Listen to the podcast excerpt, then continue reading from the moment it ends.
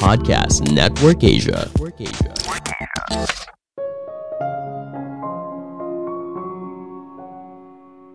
Uang tidak hanya berharga karena bisa membeli sesuatu yang kita mau, tapi yang jauh lebih penting adalah membeli kebebasan, pengaruh, dan kenikmatan. Halo semuanya, nama saya Michael. Selamat datang di podcast saya, Sikutu Buku.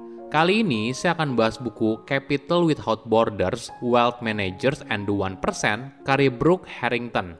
Sebelum kita mulai, buat kalian yang mau support podcast ini agar terus berkarya, caranya gampang banget kalian cukup klik follow. Dukungan kalian membantu banget supaya kita bisa rutin posting dan bersama-sama belajar di podcast ini. Buku ini membahas bagaimana manajer kekayaan bisa melindungi kekayaan dari para konglomerat, mulai dari pajak hingga masalah hukum. Penulis menghabiskan waktu 8 tahun untuk meneliti para manajer kekayaan, termasuk 2 tahun pelatihan menjadi manajer kekayaan Apakah kamu penasaran bagaimana hidup seorang konglomerat? Bagaimana mereka bisa menjaga kekayaannya atau bahkan bisa mengembangkan kekayaan yang mereka miliki? Saya merangkumnya menjadi tiga hal penting dari buku ini. Apa itu manajer kekayaan? Hidup para konglomerat boleh dibilang di satu sisi sangat berbeda, tapi di sisi lain bisa mirip dengan kehidupan masyarakat pada umumnya. Tentunya hidup dengan kekayaan yang luar biasa mungkin hanya bisa dinikmati oleh segelintir orang. Kita mungkin saja tidak pernah merasakan pergi dengan pesawat pribadi, memiliki kepala pelayan di rumah, atau memiliki mansion mewah di pulau terpencil. Jurang antara konglomerat dan masyarakat biasa semakin besar berkat pandemi COVID-19. 10% orang terkaya di dunia memiliki sepertiga total kekayaan yang ada di dunia. Sejak pandemi COVID-19, angka tersebut tumbuh dua kali lipat. Mungkin banyak orang penasaran, kenapa orang kaya bisa semakin kaya? Atau bagaimana cara orang kaya mempertahankan kekayaannya? Mungkin jawabannya adalah mereka punya seseorang yang bertugas sebagai wealth manager atau manajer kekayaan. Orang ini bahkan mengetahui rahasia yang jauh lebih dalam daripada istri dan anak para konglomerat. Pertemuan konglomerat dan seorang manajer kekayaan biasanya bersifat sangat personal, mungkin saja dari referensi konglomerat lainnya. Ketika mereka bertemu, seorang manajer kekayaan akan bertanya banyak hal, mulai dari identitas konglomerat itu, tujuan keuangannya, lalu mulai merujuk pada berbagai pertanyaan yang menyentuh aspek personal. Hingga akhirnya, manajer kekayaan itu mendapatkan jawaban alasan utama konglomerat itu bertemu dengan dia. Mungkin saja untuk menghindari pajak, mungkin saja ingin menyembunyikan kekayaan dari keluarganya, dan sebagainya. Manajer kekayaan juga menyimpan banyak rahasia si konglomerat dan juga keluarganya. Wajar saja apabila ada anggota keluarga yang terlibat dalam aktivitas ilegal atau aktivitas yang tabu, mereka bisa saja diperas. Nah, ini bisa jadi resiko keuangan bagi si konglomerat, dan manajer kekayaan harus tahu hal ini agar mereka bisa mengelola resikonya dengan baik. Ada juga konglomerat yang ingin bercerai tapi tidak ingin pasangannya mendapatkan setengah hartanya. Jadi manajer kekayaan diminta untuk menyembunyikan hartanya.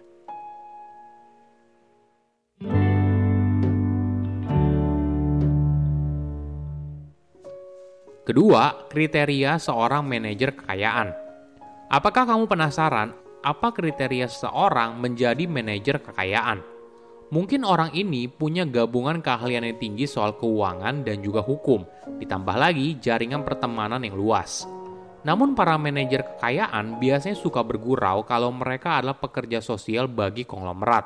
Jadi mereka harus punya empati dan keinginan untuk membantu si konglomerat menyelesaikan masalahnya. Tapi di sisi lain, mereka juga harus punya kesabaran yang tinggi dalam menghadapi para konglomerat. Ada sebuah kisah yang menarik penulis bercerita tentang seorang manajer keuangan bernama Eleanor di Geneva.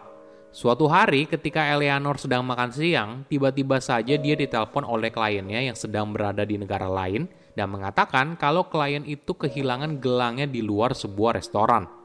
Klien itu lalu meminta Eleanor untuk mencari gelang tersebut. Uniknya lagi, klien itu tidak memberitahu apa nama restorannya. Coba bayangkan hal ini kamu diminta untuk mencari sebuah gelang yang hilang dari sebuah restoran yang tidak kamu ketahui letaknya. Inilah gambaran bagaimana seorang konglomerat bisa semena-mena. Namun Eleanor berhasil menemukan restorannya, menghubungi polisi setempat untuk menangani kasus tersebut, dan akhirnya gelang itu pun ditemukan. Kliennya senang dan Eleanor mengirimkan kliennya sebuah invoice atas jasa yang diberikan. Namun tidak semuanya seperti itu. Ada juga seorang konglomerat yang membuat sebuah permintaan yang tidak masuk akal karena dia ingin mengetes keahlian dan loyalitas si manajer kekayaan. Misalnya sebuah cerita dari David, seorang manajer keuangan di Hong Kong. Suatu hari, seorang klien menelpon David saat dirinya sedang ada di Jepang. Klien itu sedang rapat dengan pebisnis Jepang yang ingin salmon asap. Klien itu lalu menjanjikan seribu lembar salmon asap kepada pebisnis Jepang itu dari pabrik yang ada di Skotlandia. Nah, si klien lalu menelpon David untuk mencarikan salmon tersebut. Awalnya David menolak dan bilang ke klien itu kalau dia adalah manajer kekayaan, bukan tukang ikan. Klien itu dengan enteng menjawab, ya hari ini kamu jadi tukang ikan. Beruntungnya, David kenal dengan seseorang yang merupakan kepala pabrik dari sebuah pabrik salmon di Skotlandia – Akhirnya, dia bisa memenuhi permintaan kliennya. Tidak lama kemudian, klien tersebut memberitahu David kalau permintaan itu sebenarnya dibuat-buat sendiri. Dia hanya ingin mengetes apakah David punya kenalan yang luas dan bersedia melakukan apa pun yang diminta tanpa bertanya.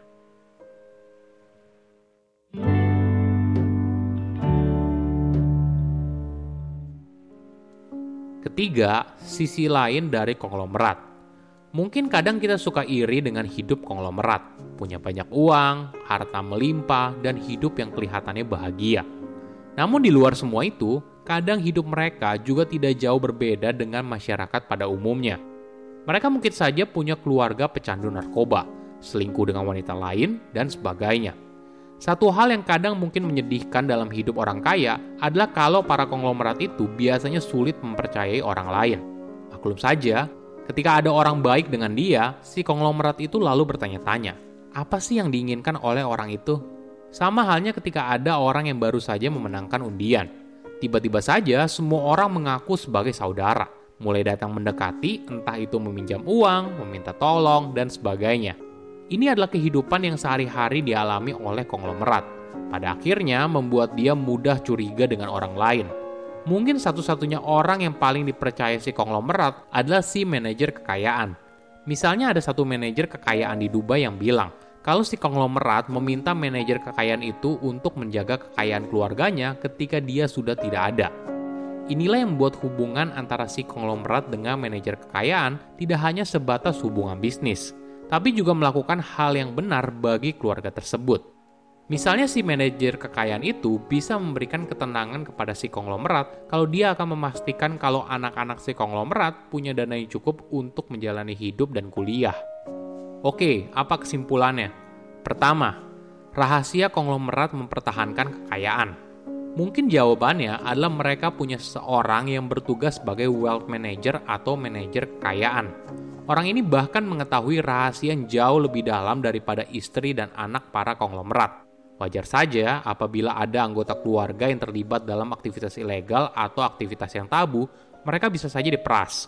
Nah, ini bisa jadi resiko keuangan bagi si konglomerat dan manajer kekayaan harus tahu hal itu agar mereka bisa mengelola resikonya dengan baik.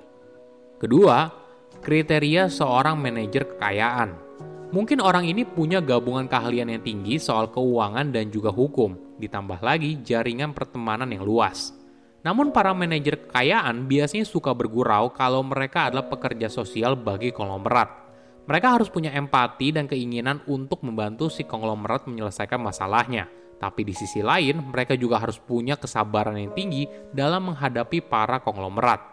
Ketiga, tidak selamanya enak jadi konglomerat. Satu hal yang kadang mungkin menyedihkan dalam hidup orang kaya adalah kalau para konglomerat itu biasanya sulit mempercayai orang lain. Maklum saja, ketika ada orang baik dengan dia, si konglomerat lalu bertanya-tanya, apa yang diinginkan oleh orang tersebut? Sama halnya ketika ada orang yang baru saja memenangkan undian. Tiba-tiba saja semua orang mengaku sebagai saudara, mulai datang mendekati, entah itu meminjam uang, meminta tolong, dan sebagainya. Saya undur diri, jangan lupa follow podcast Sikutu Buku. Bye-bye.